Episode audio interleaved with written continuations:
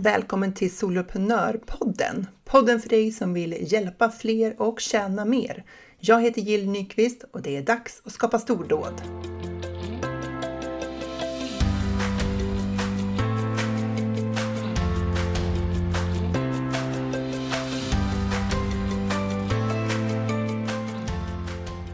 Idag tänkte jag prata om kriser. kriser du stöter på i ditt företagande. Se om du kan känna igen dig i någon av de här eh, kriserna. Jag håller på att eh, skriva en roman. Det är en science fiction berättelse. Eh, jag tänker att det ska bli en trilogi, eh, vilket känns lite uppkäftigt med tanke på att jag inte skrivit den första boken än. Men eh, eh det är en utmaning, men det är också väldigt roligt och eh, det var i samband med det här som jag fick den här krislistan av Anna-Karin Svanå som är författarcoach bland annat och skriver också egna böcker. Och eh, när jag läste den där eh, krislistan som då var kopplad till att skriva en bok så kände jag att de där kriserna, de går man ju igenom som företagare också. Och jag tyckte de var lite roliga, så jag tänkte att du får de här av mig. Jag fick dem av Anna-Karin Svano och hon hade fått dem av någon form av skrivpodcast. Så. Och den första krisen då, eh, som då översatt till företagarliv, eh, ehm, men som faktiskt lät likadant när det handlar om att skriva en bok, det var så här, jag vet inte vad jag håller på med krisen. Eh, den här känslan av att vara ute på hal is och djupt vatten, det, eh, den förföljer oss ju genom vårt företagande. Och den här känslan av att inte veta riktigt vad man håller på med kan ju uppstå många gånger i ett företagarliv. Dels naturligtvis när man startar upp sitt företag, men också eh, alla de gånger som man tar sig an en lite större uppgift i sitt företag. Det kan ju vara att man bestämmer sig för att skapa en onlinekurs eller kanske hålla ett stort digitalt event eller ge sig in i ett nytt form av samarbete. Någonting där man känner så här, det här är viktigt för mig, men jag vet inte riktigt hur man gör. Och då är det ju väldigt lätt att hamna i Alltså på riktigt, jag vet inte vad jag håller på med krisen. För att det känns som att man kanske bara håller på och leker företag. Och man tänker att så här, riktiga företagare, de som är professionella, de, vet, de hade liksom vetat hur de ska ta sig an den här situationen, hur de ska gå in i det här samarbetet eller hur de ska utveckla den här nya tjänsten. Men för mig känns det så galet oklart alltihopa så att eh, jag kan ju, så här, det här kan ju inte vara professionellt. för då skulle det kännas på ett annat sätt. Så om du har hamnat där någon gång, då vet du att du är i då så här, jag vet inte vad jag håller på med krisen. Sen nästa kris då. Allt jag skapar är skitkrisen. Du vet den här känslan att så här, du gör någonting och det bara blir inte bra. Eh, eller så här, det kändes bra igår och sen när du tittar på det idag så känns det väldigt obra. Det här kan ju vara typiskt om vi säger att du har liksom skrivit, det kan vara att du skrivit ett blogginlägg eller att du har gjort ehm, eh, utkastet till en workshop eller gjort en presentation på något sätt. Och så kändes det så här toppen eh, när du höll på med det och så dagen efter så bara börjar du ifrågasätta allt. Så här, åh, är det här tillräckligt tydligt? Kommer de ens förstå vad jag menar? Eller du har skrivit en text till startsidan på din webb och du vet inte längre om någon kan hänga med i ditt resonemang. Och du landar liksom i så här, allt jag skapar är skit krisen. Det känns som att du inte kan få någonting bra. Du sitter i Canva och ska göra din grafiska design och den bara ser bla bla bla ut. Och ja, jag tror att du fattar. Då vet du att du är i den krisen. Så känner du igen dig i någonting av det så då har du befunnit dig där och eh, det, där kan vi ju hamna från och till i våra företag när vi sitter och skapar. Och jag tänker att det är ju inte så konstigt för du skapar utifrån en bild eh, som du har på insidan av ditt huvud. Du skapar någonting som inte finns eh, och i den processen så kan det ju uppstå rätt mycket eh, kritiska tankar och kännas som ett stort motstånd. Nästa kris vad är det för mening med alls att göra, alltså vad är det för mening med att göra det här överhuvudtaget när världen ser ut som den gör, krisen? Den fanns också med i exemplet. Och där kan man ju hamna ibland. Att så här, det händer sådana här dramatiska saker i världen och de senaste åren har det ju verkligen gjort det. Eh, eller som nu liksom, med skyfallen som har varit här och, och liksom, man känner av klimatförändringar på ett annat sätt och allt som händer eh, i samhällsekonomin, i politiken, globalt och så vidare, så kan det kännas som att säga, vad är meningen med allt det här? Vad spelar det för roll? Jag sitter här på kammaren och, och försöker förbättra mitt lilla hörn av världen. Vad spelar det för roll i det stora hela när världen ändå ser ut som den gör? Och det där är ju ett mörkt hål att hamna i. Jag tänker att Möjligen är vi mer sårbara för den typen av tankar när vi är soloföretagare, för vi har liksom inget fikabord att sätta oss och prata med kollegor där man kan liksom få prata om de här sakerna och känna att man får ventilera dem lite grann och få lite andra synvinklar på det och andra perspektiv och sen kanske gå vidare till någon annan fråga som börjar uppta ens eh, tankar. Um, som vid ett fikabord så är det alltid någon som kommer in och börjar prata om någonting annat och så liksom leder det ena till det andra och så har man liksom kommit ur det där äh, mörka hålet i diskussionen. Men sitter man hemma och jobbar, då har man ju ingen att föra de där dialogerna med.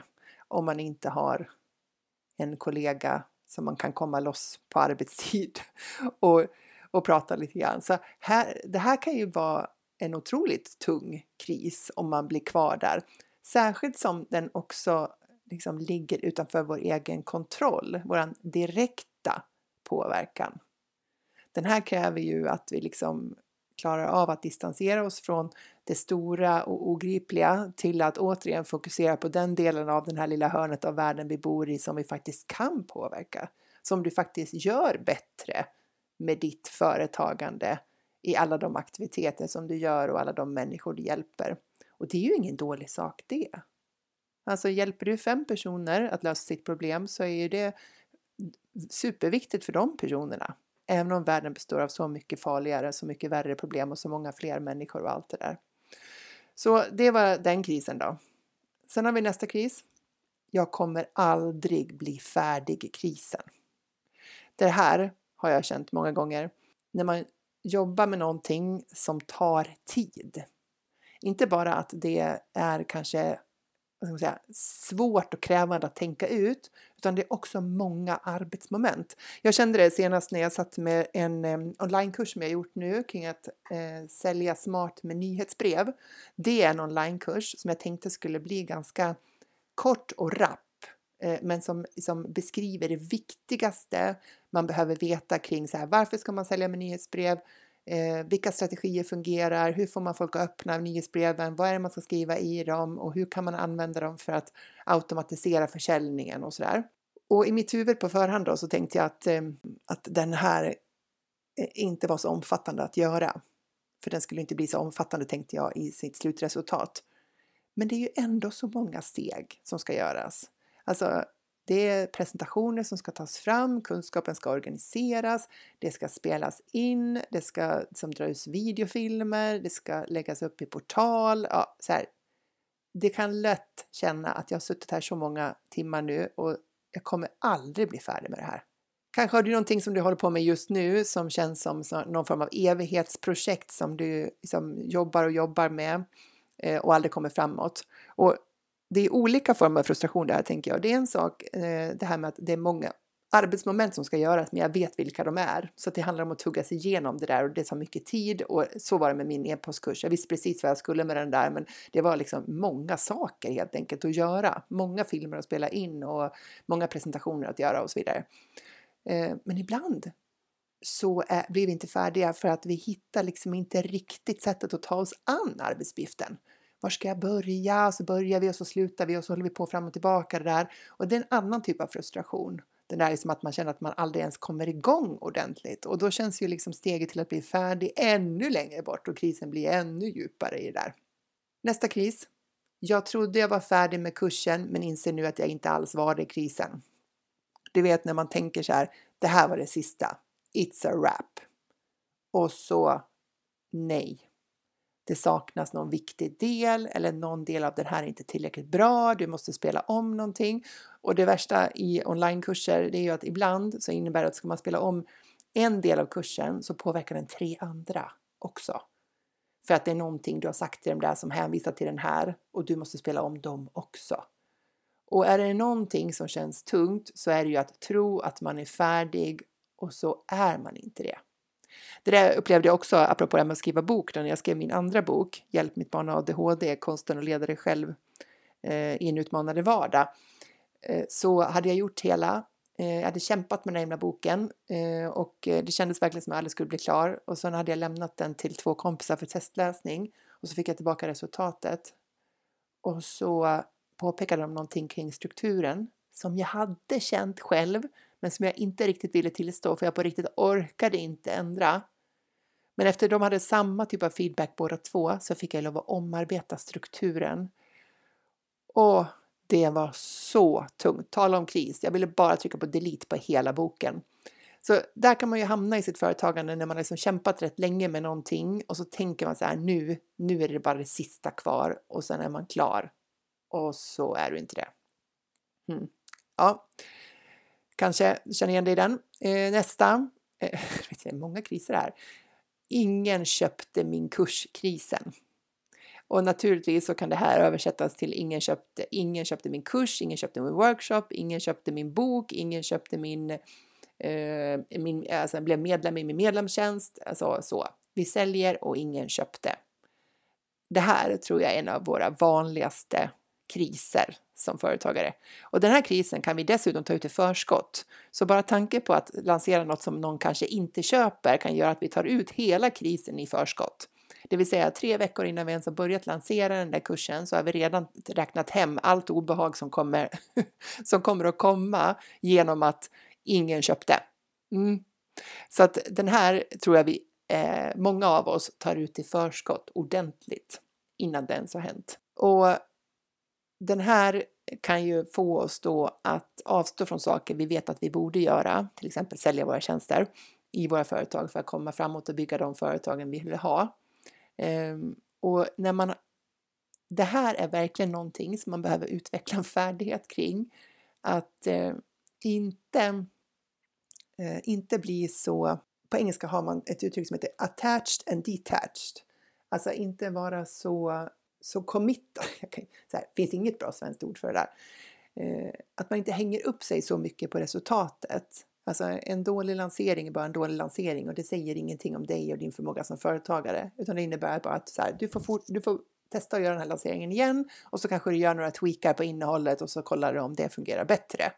Så att, liksom, att ha en misslyckad lansering är inte en, eh, någonting som vi behöver liksom, ta personligt. Men det är väldigt lätt att göra det eftersom vi är våra företag och det är vi som gör den här lanseringen. Och då är det väldigt lätt att komma i ingen köpte min kurskrisen. Men, men sen, den här är lite rolig tycker jag. Eh, för att, men så är det folk som köper då. Och då tänker man, herregud, de tänker väl inte gå den här skitkursen, vad ska de tycka om den? Så då blir det så här, de tänker väl inte gå den här skitkursen-krisen. så den, första, den andra krisen, det var så här, ingen köpte. Men sen när folk köper, då kan vi få panik över det. Tänk om det inte är tillräckligt bra? Tänk om de inte kommer bli nöjda? Tänk om jag kommer göra alla besvikna? Tänk om alla kommer begära pengarna tillbaka fast jag ens inte ens har någon återbetalningsgaranti? Då kommer den krisen. Och den där, eh, den kan ju hålla oss vaken på nätterna också. Och den här glädjen över att ha kanske så här, sålt jättemånga onlinekurser eller jättemånga medlemskap kan ju grusas över den liksom eh, skräcken över att tänk om de blir missnöjda och så hamnar man i den krisen. Hur taskigt är inte det? så, här, ja, eh, så här krävs det lite självcoachning då, tänker jag. För att inte få panik när det går bra när försäljningen faktiskt fungerar.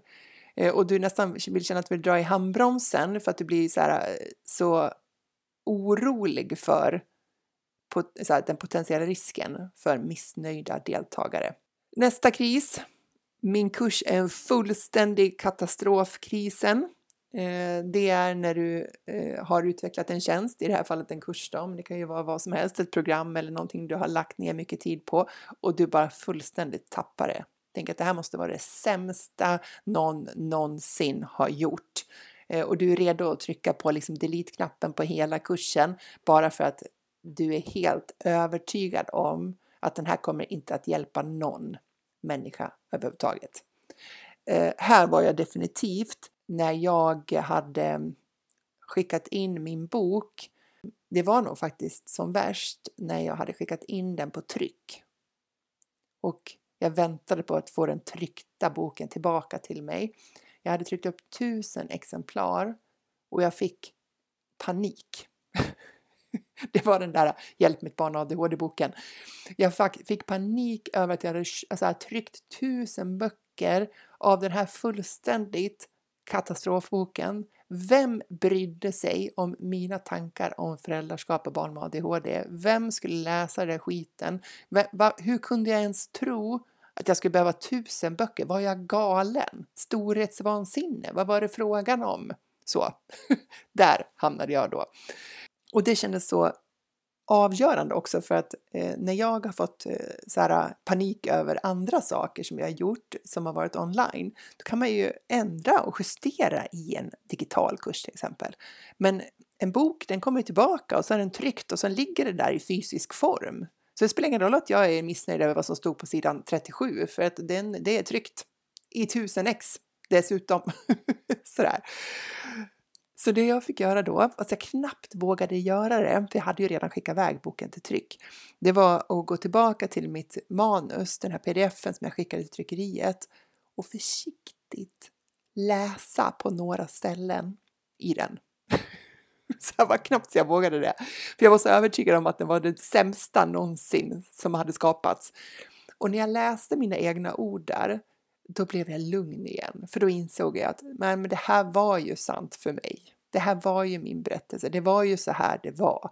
Och då kunde jag liksom så här andas ut lite grann och känna så här att oavsett vad andra kanske skulle tycka om det här så var det ändå min sanning och min upplevelse och min tolkning av vad som hade fungerat och inte hade fungerat för oss. Mina erfarenheter. Och då på något sätt kunde jag liksom ta mig ur den här eh, min bok är en fullständig katastrofkrisen. Eh, så det var den. Tre kriser kvar. Eh, jag fick en miss, jag fick missnöjda deltagare i krisen. Och det är ju om du det här kan sträcka sig alltifrån att du håller ett gratis webbinar och någon skriver någonting i chatten eh, som, som är negativt kring ditt webbinar eller kring hur du säljer eller kring någonting du säger i där och så. Så att de är uppenbart missnöjda i chatten. Bara det kan utlösa en lokal kris genom hela det webbinariet där man kan känna att så här, jag vill inte vara med mer. jag får ett tekniskt fel nu och allting stängs ner och tar bort mig härifrån. Så alltifrån de, den liksom stormen i, i, ett vattenglas, fast det känns som en stor sjö just då, eh, Eh, till att eh, du har sålt någonting eh, riktigt dyrt och omfattande och fått någon som inte är nöjd. Eller du kanske har en stor kund som du jobbar med som är missnöjd med någon leverans som du har och som utlöser en kris. Oftast så handlar ju inte det här bara om att vi har gjort en dålig leverans eller att någon är missnöjd med någon del av någonting vi har gjort, utan det är att det blir personligt att det utlöser en våg av personliga känslor som skam och pinsamt och frustration och, och alla möjliga känslor kring det här. Det är därför, tänker jag, som det blir en riktig kris. För skulle vi hålla oss till sakfrågan och inte koppla det här till eh, oss själva i samma utsträckning så skulle det inte bli lika jobbigt. Så. Näst sista krisen, eh, den allmänna krisen kring mina tjänster säljer ingenting-krisen. Eh, och det är ju om du upplever att du har en tjänst som du har försökt att sälja flera gånger eh, men du säljer inte. Men jag tänker att många gånger så handlar det också om att man har en upplevelse av att tjänsterna inte säljer fast vi heller inte gör så mycket för att sälja dem. här, eh, det här blir någon form av moment 22 då.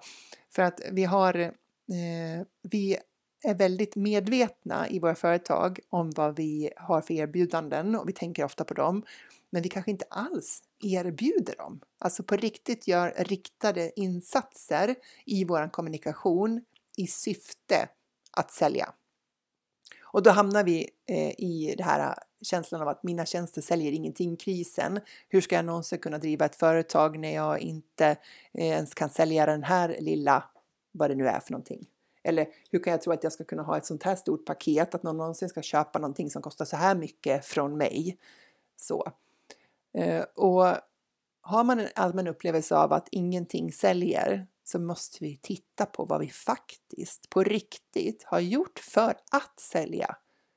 Har du skickat ut erbjudande till en nyhetsbrevslista? Har du gjort ett webbinar i syfte att sälja in någonting? Har du haft annonser som har lett till en landningssida i syfte att sälja någonting?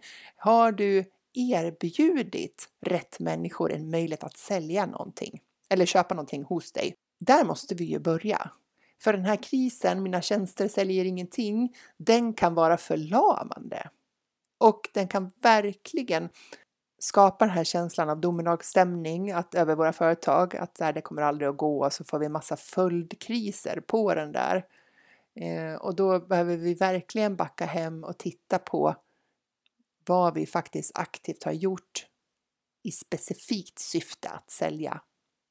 Eh, för att bara försöka sälja eh, genom allmän vardagskommunikation på Instagram och i nyhetsbrev där vi tänker där det blir mer utbildning och inspiration och faktiskt inte ordentliga erbjudanden. Det, då kommer det ta tid. Det tar klart längre tid. Och sen den sista då. Mina företagarkriser skapar familjekriser. Krisen. och det, det, här handlar ju om att så här, driva företag och gå igenom alla de här olika kriserna vid olika tillfällen påverkar oss ju. Har vi haft en eh, mina tjänster säljer ingenting-kris eller min kurs är en fullständig katastrofkris eller allt jag skapar är skitkris. Vi kanske inte blir vårt allra trevligaste jag gentemot vår partner eller våra barn eller våra vänner. Eh, det kanske liksom spiller över om vi inte lyckas liksom så distansera oss från så vad som är företaget och, eh, och vad som är privatlivet och liksom lämna jobbet på jobbet det är inte så lätt att lämna jobbet på jobbet när jobbet bor hemma. Så jag vet inte hur du jobbar hemma. Jag har ett kontor nu för tiden. Det känns fantastiskt lyxigt och har haft det sedan några år tillbaka. Och visst, jag kan väl stänga dörren till kontoret, men det blir liksom inte riktigt samma sak som när man har en arbetsplats som man åker ifrån och lämnar. Så det är ju lätt eh, eftersom vi rent fysiskt ofta då ofta befinner oss i, om inte i, direkt i jobbet så i väldigt nära anslutning till vårt jobb. Eh, och gränsen emellan jobb och privatliv liksom är väldigt suddig om du inte har lyckats skapa de där tydliga gränserna för dig själv. Så när vi då har någon av de här kriserna så är det ju inte lätt, alltså det är inte konstigt att det spiller över på vårt vardagsliv och att det kan gå ut över de närmast som ju faktiskt inte alls kanske har någon del i den där krisen, eh, utan blir bara mottagare för våran, våra upprörda känslor eller våran oro eller ångest eller eh, frustration som vi känner. Eh, och så skapar vi liksom egna kriser kring det och då har vi skapat någon form av tvåfrontskris här. Eh, och det är vi ju inte betjänta av, men lätt att hamna där, tänker jag. Så det här var de kriser som fanns i förhållande till att skriva en bok som jag har liksom omvandlat då till företagarkriser. Och eh, man får ju se de här lite humoristiskt, men jag tyckte också att det fanns mycket sanning i det här och jag kunde liksom snabbt eh, lätt relatera till många av de här vad det gäller mitt eget bokskrivande, men också eh, flera av dem kopplat till företagande. Och jag tänker att det här med kriser är ju Eh, en del av vår utvecklingsresa. Det är inte jättekul att gå igenom olika former av kriser som är olika, vad ska man säga, eh, tärande eller tyngande eller djupa eller allvarliga sådär. Eh, men jag tänker att det finns heller ingen väg runt det här. Det finns liksom ingen version av livet, varken livet i det stora hela eller livet som företagare, som inte kommer med motstånd, problem, utmaningar. Utan det bästa vi kan göra för oss själva, det är väl att konstatera att så här, livet är hälften bra och hälften dåligt. Ibland går det bra, ibland går det mindre bra och inget har gått fel för det. För det var inte meningen att vi skulle leva ett liv där allting bara gick precis som det var tänkt och allting bara gick vår väg vi behöver ju kontraster. Skulle vi leva ett liv som var helt fritt från friktion så skulle vi inte ens veta att uppskatta det, för vi har ingenting att jämföra det mot. Det är ungefär som den där, eh, det finns en berättelse där när två fiskar möter varann. Och så säger den ena fisken till den andra så här, ja, ah, hur är vattnet? Och den andra fisken säger, vilket vatten? Så liksom, tar vi eh, våra omständigheter för givet och inte vet någonting annat så har vi ingenting att jämföra mot. Så livet är både och och så är företagarlivet också. Så jag tänker hela eh, grejen blir ju att lära sig att hantera sig själv i den här eh, vardagen. I både livet, vardagen, så livet stort. Eh, men om man då ska zooma ner till företagarvardagen, så allt det som vi upplever som företagare. Och eh, ha en förmåga att nyansera det där och inte fastna i de här kriserna och tro att vi är de enda som går igenom ingen köpte min kurskrisen eller vad är det för mening att göra det här överhuvudtaget när världen ser ut som den gör krisen eller eh, paniken över att man får faktiskt lyckas sälja någonting och bli jätteorolig för att någon ska bli missnöjd i krisen istället. Sådär, utan att eh, det, det, betyder bara att eh, vi är människor och vi, reagerar, vi reagerar som människor gör. Så jag hoppas att du kan eh, eh, få lite insikter i det här eh, för att eh, kriser, det är nog en del av vår väg till stordåd.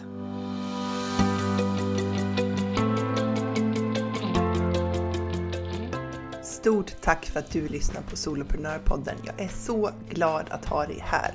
Du får jättegärna lämna mig en review på iTunes och ratea podden. Ge den fem stjärnor om du tycker att den är värd det, så hjälper du mig att sprida den till fler.